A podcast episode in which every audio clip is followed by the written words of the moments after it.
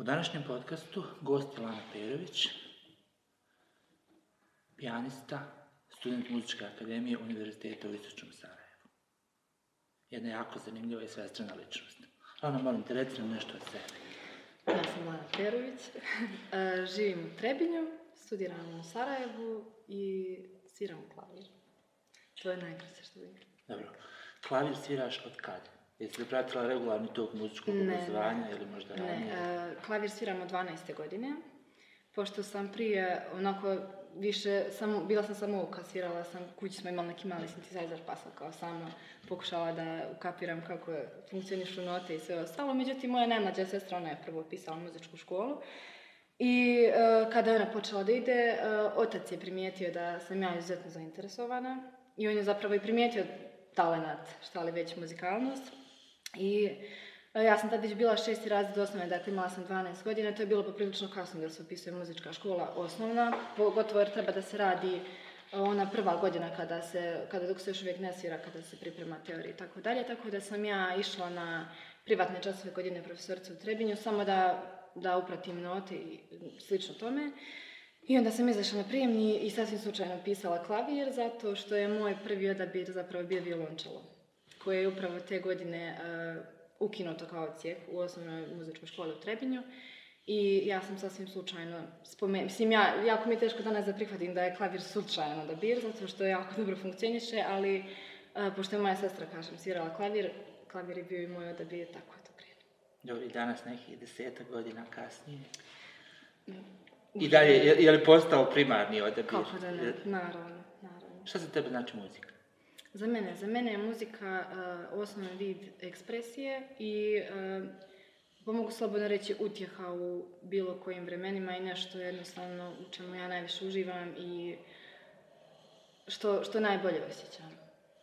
Možeš zamisliti svijet bez muzike, bez Ne, zvuka, ne. bez... Znači, Mislim- sastavni dio svih tvojih Naravno, aktivnosti u svakom naravno, momentu je. U svakom mogućem smislu. Apsolutno. Dobro. I nakon što si to postigla, te prve pijanističke korake u smislu upoznanja s instrumentom i notom, tvoj tok obrazovanja onda tekao... Pa ne, ja sam zapravo osnovnu školu završila za tri godine zato što sam bila najstarija u svim tim razredima pa sam po polugodištima polagala godine. Dakle, na primjer, prvo polugodište bi bila prvi razred, drugi polugodište već drugi razred. Tako da, tako funkcionalno moje obrazovanje osnovno, a pošto sam srednju školu išla paralelno, dakle, stigla sam deveti razred u osnovnoj školi i šesti razred niže muzičke, onda sam paralelno pisala srednju muzičku školu i gimnaziju, tako da tada sam, onda, tada sam počela idem redovno. Šta misliš o gimnaziji kao sistemu, kao sistem obrazovanja? Da li je to nešto što je dobro s one strane što je opšte, a loše s one strane što te ne sprema za profesiju, ili je generalno dobro i treba da ostane? Šta je tvoje mišljenje? Pitam kao Pa, bivši e, gimnazijalac isto tako. Pa, ja kao neko koji je završio Trebinsku gimnaziju, koju smatram izuzetno, izuzetno dobrom školom, a, na gimnaziju gledam kao nešto što je stvarno po meni jako potrebno a, kad je u pitanju opšte obrazovanje. Ja kao neko koji je htio da ima izuzetno jako opšte obrazovanje, smatram da je gimnazija sjajna škola. Mislim, razumijem da se sve gimnazije razlikuju, ali gimnazija u koju sam ja išla je bila sjajna i nimalo, e, ne, ne smeta mi taj koncept opšteg da, dakle da ona sprema djelimično za sve, jer je e, ta gimnazija u koju sam ja išla e, meni dala enormnu količinu obrazovanja na svim poljima. I da vi posle zaista možete da se bavite bilo čime. I nikad, mislim, da se sad vratim, ne bih promijenila tu odluku, opet bih upisala. Mislim da bih svima preporučila taj vid obrazovanja, zato što mislim da je obrazovni sistem jako, jako e, pao inače danas i da je takva jedna škola idealna prilika da se stekne opšte obrazovanje za život. Donekle. Jeste, ali s druge strane, savremeno tržište, savremeni uslovi diktiraju potrebu za praktičnim znanjima. To jeste, ali mislim da, da se ne treba zaustavljati tu. Naravno da gimnazija ne može pružiti svo znanje, vi treba da, iz, da istražujete individualno i sve što... Da, jednostavno morate i sami da, da, tražite za, da tragate za znanjem, ali gimnazija je sasvim dobar početak i nešto što vas na neki način usmjerava bilo što želite. Koliko si uspjevala da uskladiš gimnaziju sa srednjim muzičkim obrazovanjem u smislu termina, tajminga, to je ogromna go- gomila predmeta kad se Jeste. sabere. Znam jer sam prošao kroz isto. Jeste. Zato ti. Pa, e, ja kad sam upisala, iskreno plašila sam se zato što su savjeti sa svih strana bili da, da odaberem jednu školu, da jednu napustim, prvenstveno zbog zdravlja, jer je tempo stvarno ubitačan. E, mislim, naša škola je počinjala u sedam ujutru, što ja mislim najranije u državi, da počinje u sedam. Tako da od sedam do negdje devet navečer ja nisam bila kući nikako, obroci su bili jako diskutabilni, pekare i tako to, tako da e, s tog, mislim, na to sad gledajući ne mogu da vjerujem da sam na primjer prošla kroz taj period, i jako sam se prepala na početku zato što su svi onako bili jako skeptični. Međutim, kad sam krenula, jednostavno mislim da e, ja stvarno jako volim organizaciju, jako volim obaveze. Ja bez obaveza, nije da ne znam da funkcionišem, ali mnogo lakše funkcionišem kada imam veliki broj obaveza, kada tačno znam, na primjer, da imam sat vremena za nešto i to me na neki način primorava da to nešto uradim. I onda sam mnogo odgovornija, mnogo organizovanija kada znam da imam određeno vrijeme, a ne sad da imam čitav dan, pa ću ja raditi nešto kad hoću. U tom smislu mislim da mi je to, to pohađanje dvije paralelne škole jako pomoglo. I jednostavno sam se uhodala. Kad sam završila taj drugi srednje, obje koji je bio jako težak i u jednoj i drugoj školi, mislim da je tada već se krenulo onako sve lakše i lakše, tako da, eto, izašla sam na kraj nekako. I kad dođeš iz takvog sistema organizacije u kojem si bila izložena četiri godine, fakultet ili dođe kao nedogradnja, kao olakšanje? Fakultet je veliko olakšanje bio. E, samim tim što sam se bavila striktno onim što sam izabrala. I e, doslovno sam imala previše vremena, baš previše vremena, mnogo, mnogo više sam vježbala, mnogo, mnogo više sam vremena imala za sebe i da odmorim. Nikad prije, na primjer, nisam spavala popodne, pa sam i to čak bilo uvela jedno vrijeme, tako da, eto, mislim da je mnogo, mnogo lakše na fakultetu nego u meni. U konceptu studiranja muzičkog izvođaštva, ta riječ vježbanje se nekako nameće kao ključni termin. Da. Možeš li objasniti šta sve vježbanje samo po sebi podrazumijeva. To nije puko čitanje nota i njihovo prosviravanje do momenta postizanja nekog izvođačko, izvođačke upotrebljivosti toga. Šta je sve vježbanje? Pa mislim da je definisati vježbanje e, poprilično individualno, zato što se naravno razlikuje neko vježba Svako ima različite prioritete kad je vježbanje u pitanju. Naprimjer, ja sam neko ko ima, da kažem, tehničkih problema, upravo zbog toga što nisam imala to temeljno e, muzičko obrazovanje, već sam preskakala i mnogo toga tehničkog sam preskočila, dakle na, manje sam prolazila skale i sve ostalo što je jako neophodno. Međutim, ja mislim da se ne može uh, u vježbanju odvajati tehničko od muzike, da tako kažem. Jednostavno, nikad ne možete reći, ja ću sad da vježbam skale, da vježbam, ne znam, da vježbam tehniku, a kao kasnije ću da ubacim dinamiku sve ostalo. Ja nekako se uh, trudim da ne uzimam primarno neke tehničke vježbe, već da uh, iz dijelova kompozicije koje smatram da su mi teški, da ih uzimam i njih obrađujem na različite načine kao ritmizacije i slično tome i to mi čini uh, vježbanje mnogo interesantnijim i nije naporno. Zato mislim da, da je vježbanje nekako sinonim za neku obavezu i nešto što treba da bude teško. Međutim, postoji hiljadu na način da se to, da kažem, začini da, da, da unađete neko zanimljivije rješenje, tako da mislim da ne treba odvajati tehničko od.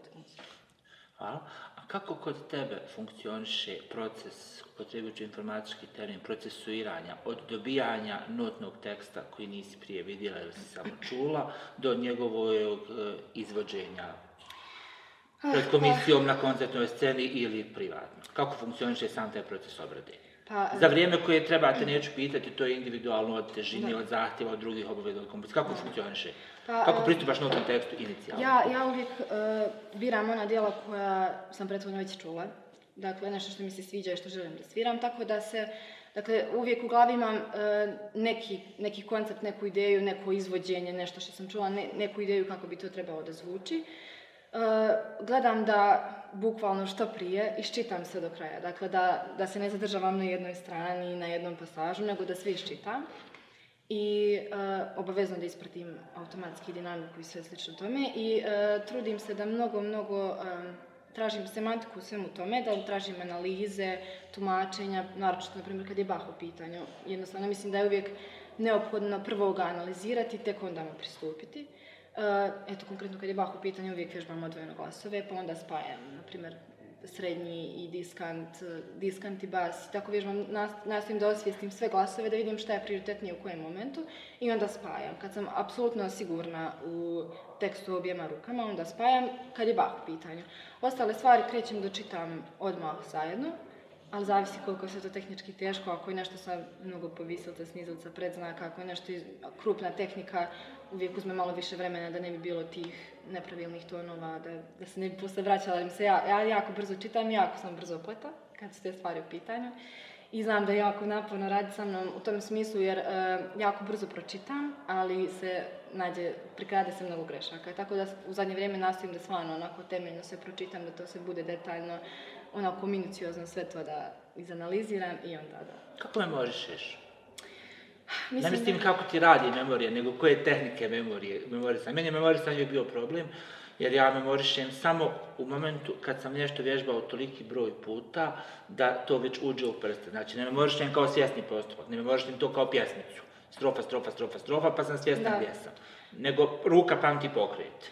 Ne, u, mnogome stvarno učestvuje, dakle, mu točko pamćenje to, jer čim, čim prođe nešto, neki nastup, nešto, ako nešto stavim, ostavim po strani duži vremenski period, treba mi vremena, jednostavno prsti su izgubili, ali e, mislim da imam fotografsko pamćenje, da je me to, mislim, naravno da prsti pamte, gledam da uvijek imam u, glavi, da uvijek osvijestim e, harmonsku progresiju, tonalni plan, da u- otprilike znam kako se šta kreće u slučaju da stanem da mogu nešto da izimprovizujem, a da je u tom tonalitetu.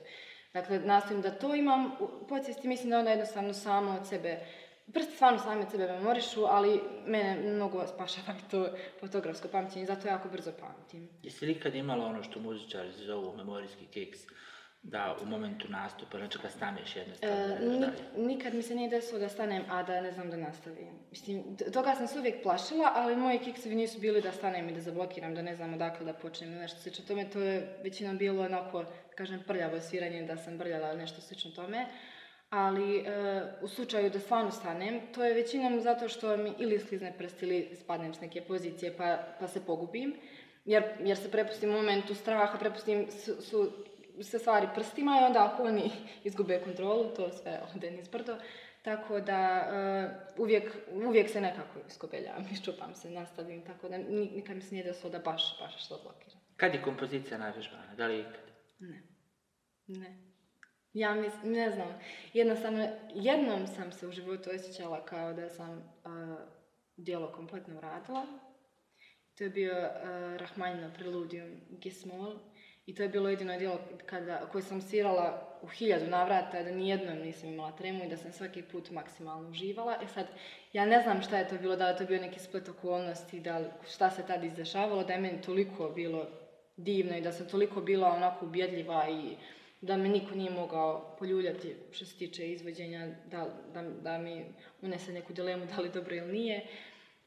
A što, nekako što sam starija, mislim da uvijek ima sve više posla, da, da su uvijek tu neke finese u pitanju, da uvijek može dodatno da se dorađuje, plus ja, mislim, koju sebe definišam kao neko koji je perfekcionista, tako da mislim da ne.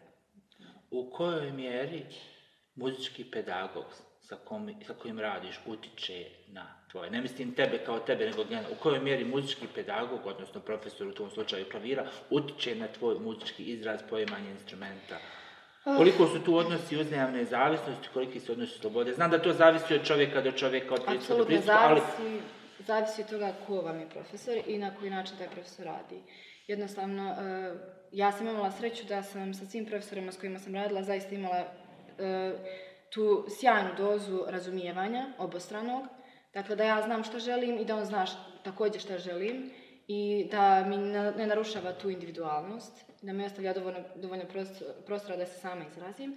A opet u neku ruku da imam taj strah, ne od, od autoriteta, već da se uzdam u to sjajno znanje, tako da mislim da, da Postoje profesori koji e, podjednako pristupaju svakom studentu i mislim da je u tome greška i da, se, da tu dolazi do razilaženja u odnosu između studenta i profesora i da to ne daje nikakav rezultat. Kada je profesor apsolutno osvijesti sve sposobnosti, ali i sve mane svog studenta, onda jedino može da mu pomogne i da radi onome što je stvarno bitno u tom momentu. Ja ipak volim ljude koji, e, mislim, volim profesore koji su ujedno i izvođači, da mogu da vam pomognu te neke stvari koje... U muzici se jednostavno sve stvari ne mogu objasniti riječima, nešto morate pokazati, nešto je toliko ezoterično da vi ne možete sad baš da sve to sročite i jednostavno postoje neke stvari koje su onako, da kažem, abstraktne i moraju da se pokažu, moraju jednostavno da se osjete. Mislim da je na tom planu jako bitno da imate sli- sličan, senzibili, sen- sličan senzibilitet kao vaš profesor, zato što ako vam se razilaže poimanja jednostavno mislim da to, to ne može da uroditi nikakvim plodom, niti dati rezultat. Pa to mišljenje, da li postoji tačka na kojoj se profesor i tada bivši student trebaju udaljiti? Ne kao ličnosti, nego muz- da se treba krenuti svojim putem. Sigurno, naravno, zato što postoji velika opasnost od toga da student počne da liči na svog profesora. U, Odnosno neke zavisnosti, recimo. u, izvođ- u izvođačkom smislu, tako da mislim da je jako bitno u onom momentu kada osjetite da, ne da se doslovno pretvarate, ali da e, ne, ne da razmišljate na isti način ili da tražite uvijek za, tražite način kako bi, kako bi vas oni posavjetovali. Mislim da je tada već vrijeme da onako malo stanete, porazmislite sami kako biste došli do nekog rješenja sličnog, tako da mislim da naravno da postoji moment kad morate da se različite sa profesorom. Recimo, ti se primarno baviš izvođaštvom kao Da. solista, međutim, znam da si uključena i u brojne aktivnosti na polju kamerne muzike. Jesam. Prvenstveno kao korepetitor. E, kakva je razlika? Stepen odgovornosti, tako. Pa kao, kao u, kam, u I u sastavu. odnosu između, kad si samostalni izvođač i kad si dio kamernog sastava. Velika- Ili obični korepetitor za solo izvođača. Obični. Velika je razlika. Zato... Ne, kad kažem obični Da. korepetitor, mislim na to kad si u kamernom sastavu sa više od jednog solo izvođača, ti si dio sastava. Kao Da. korepetitor si- uvijek pratnja, harmonija za melodiju. Da, mislim, ja jako volim kamerne sastave zato što mislim da je neko ko se bavi izvođaštvom, a, dakle, da neko ko, ko se bavi izvođaštvom jednostavno mora da bude u velikom broju kamernih sastava, ne, ne mora biti u velikom, ali to da ima jedan dobar kamerni sastav, zato što mislim da a, bez poznavanja kako da funkcionišete sa drugima, ne možete nikad biti dovoljno, dovoljno dobri u tome što radite. Dakle, a, mislim da ne postoji dobar solista, a da ne može da funkcioniše u kamernom sastavu. Zato što je baš u kamernom sastavu se ogleda sva to muziciranje. Da li vi e, imate sposobnost da slušate drugog, da li imate sposobnost za zajedničkim muziciranjem, za zajedničkim idejama, da, da nekog pokrenete, da formirate, da osmislite. Mislim da se to stvarno sve ogleda u tom kamernom muziciranju, dok, dok e, kad nastupate solo, vi ste sami, sve pod vašom kontrolom. Ovdje je opet malo veći strah zato što um, ne, i drugi zavise od vas i više ljudi uključeno i međutim, me- meni je nekako, uvijek mi je bila dilema šta mi je veće uživanje, da li mi je veće uživanje kamerno muziciranje ili solo. I to mi, to mi se nekako mijenja, nekad mi je draže da sviram sama, a nekad kad imam sjajan, baš sjajan sastav i- divan program, nekad pomislim da mi je čak draže možda da, da sviram u kamernom sastavu, jer se osjećam slobodnije, ja imam veliki problem sa tremom, i kada nastupam u kamernim sastavima nikad nemam tremu. Da li je to zato što su note tu? Mislim, ja nemam problem, nemam problem sa tekstom, ali jednostavno postoji neka određena doza sigurnosti veće kada sviram u kamernim sastavima nego uh, kao solo izvođač. A repeticija je opet skroz drugi par cipela, zato što u korepeticiji imam veliku, veliku odgovornost, jer sam tu zaista u drugom planu. Dakle, solista je neko koji je primaran i tu postoji velika prijetnja da ja nešto ne pokvarim zato što uh, sam ja zapravo samo tu ispomoć. Tako da, eto. Dobro, to je ispomoć malo skromno rečeno. Pa- ispomoć bi mogla da bude i snimljeni zvuk sa Na, nosača zvuka, Jeste, znači ti si ipak živa osoba Da. koja funkcioniše sa Da, drugom živom osobom u stvaranju ukupnog zvuka. Da. Ako se sjećaš, nekad je bio neki tekst iz engleskog kad smo radili, gdje je pisalo kao, da su nekad se obilježavalo kao uh, piano with violin accompaniment. Da, da. Klavir je primjer kao primarni Da. instrument, Pa a ne, violina je bila kao pratnja. Sad se to promijenilo Da, da. zbog te granice harmonskih i melodijskih instrumenta. Ne, ja, e, kad god sam pratila nekog e, solistu, uvijek sam imala neku solo dionicu gdje naravno imate i vi prostora da se izrazite i slično tome, ali opet je mnogo drugačije kada vi imate podjednako zastupljene dionice kao što je na primjer u kamernoj muzici. Svaki ima svoju solo dionicu, svaki je podjednako važan, niko nikome nije pratnja, to je mnogo drugačije od... Jesu li ličnosti bitne? Uh, Jel se može svidjeti sa bilo kim? Ne može se, ne može se nikako svirati sa bilo kim. To je neko moje iskustvo. Da li neko može da pređe preko tog, da kaže profesionalnog, onako da to tumači samo na taj način, da zanemari ono što je mimo toga, ja jednostavno nisam još uvijek našla način. Ne kažem da moram da se družim ili da budem onako jako bliska s nekim s kim sviram, ali opet mislim da treba postoji Odnos, sličnost. uzem, odnos uzemnog poštovanja, recimo. Em, naravno i to i sličnost u rezonovanju, u idejama. Ne mogu baš da nađem zajednički jezik e, s nekim s kim se apsolutno mimo ilazim kad su muzička shvatanja u pitanju. Tako da je jako bitno da se na tom nekom planu i poštujemo i razumijemo i sve što A vidiš li sebe kao pedagoga? Pa, iskreno, vidim. Vidim, mada to nije nešto što, čime bi primarno htjela da se bavim. Vidim i mislim da je danas nemoguće baviti se samo izvođaštvom bez da budete pedagog. Jednostavno, to je danas tako. Mislim da bih bila dobro u tome, zato što sam par navrata imala priliku da držim časove klavira. E sad, uvijek sam se plašila toga podučavanja jako male djece, ali mislim da onako, ne, mislim da bih mogla da se vidim tome, mada mi to nije, ono, u ovom momentu mi nije toliko onako, ne vuče me.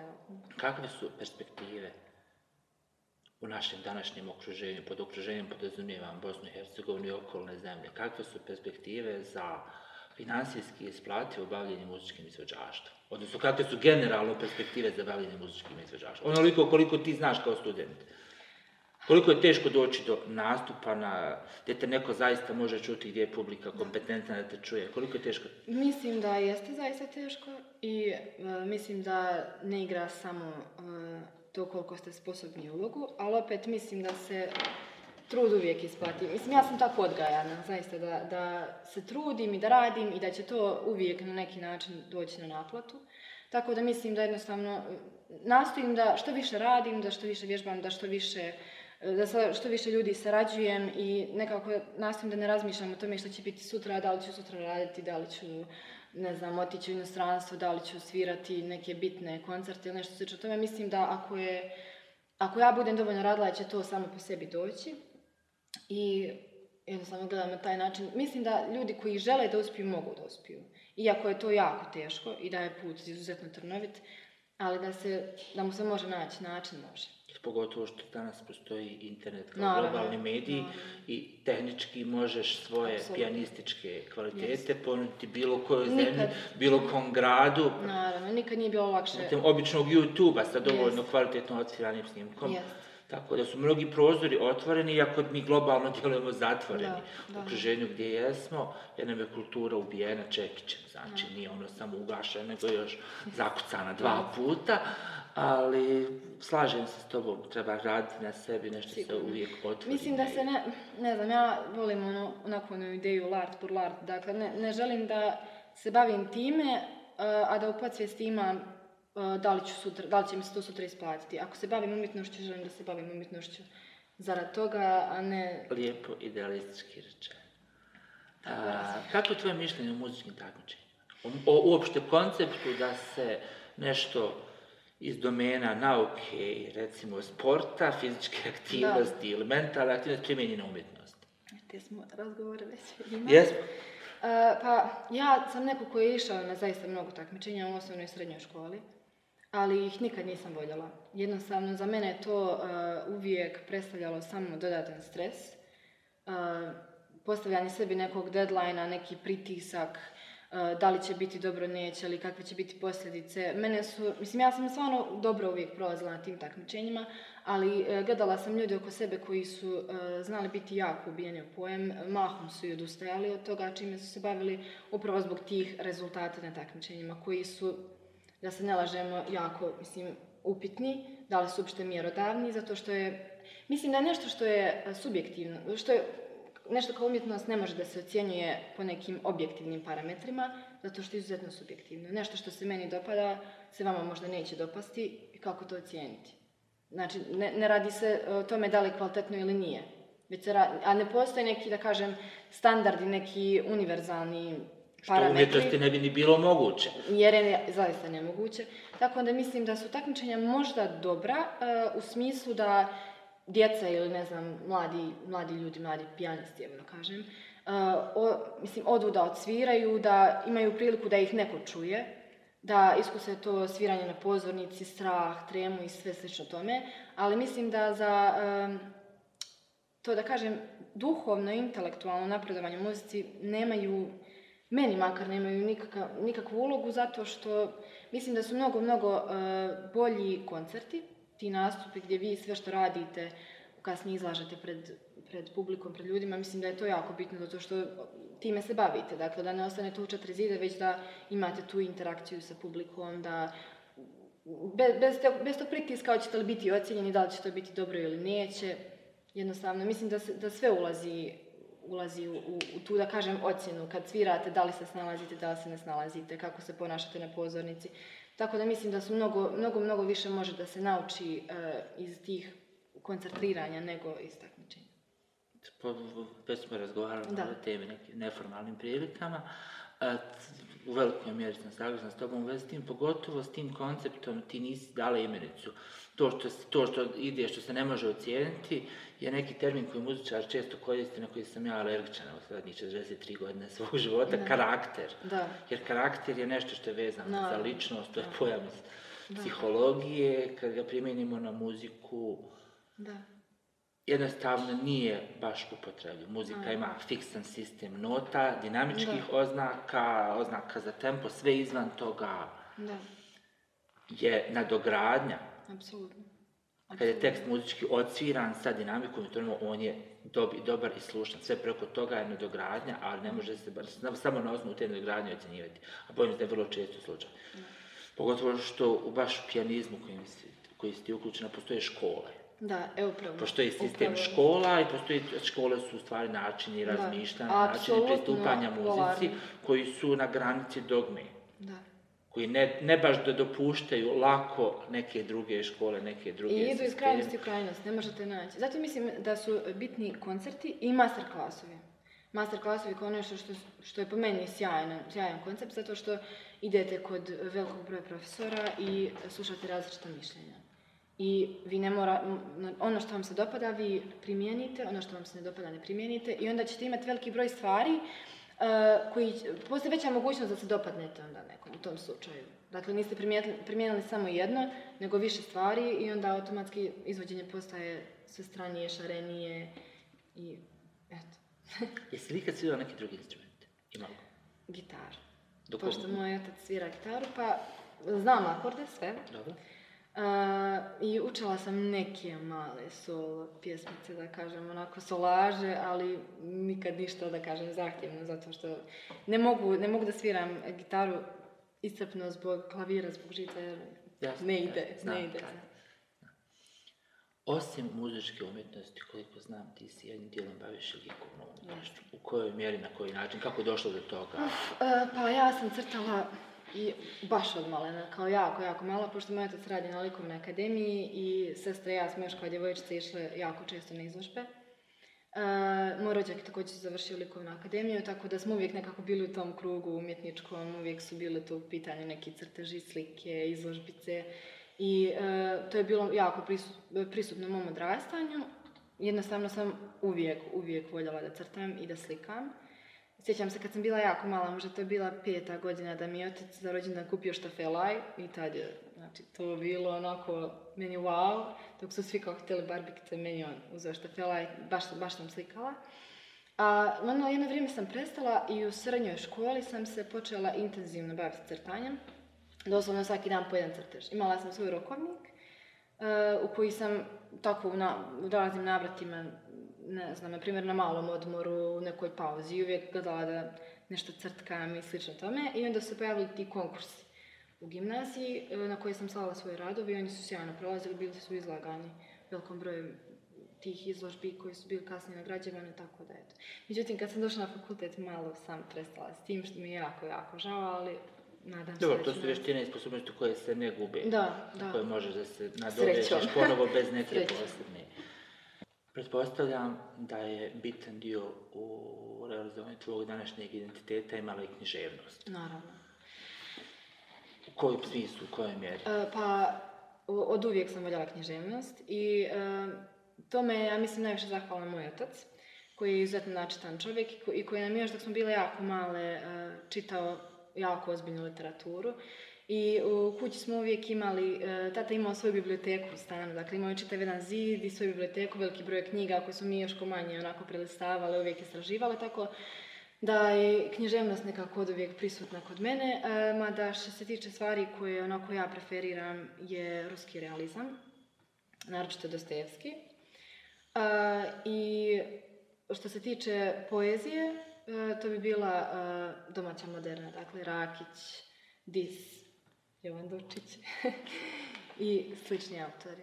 I to je jednostavno. Mislim, prije sam mnogo, mnogo više voljela da čitam a, prozu, ali nekako u zadnje vrijeme ipak poezija. Da li misliš da je književnost današnje na neki način marginalizovana i zbog čega? Da li je to opravdano, neopravdano? Jeste i ja nekako ne mogu da nađem konkretan razlog tome. Mislim da je jednostavno a, smanjen fokus kod ljudi, jednostavno neko to sveopšte neinteresovanje za bilo šta što, čemu se treba nekako malo više posvetiti i u što treba uložiti određeni intelektualni napor.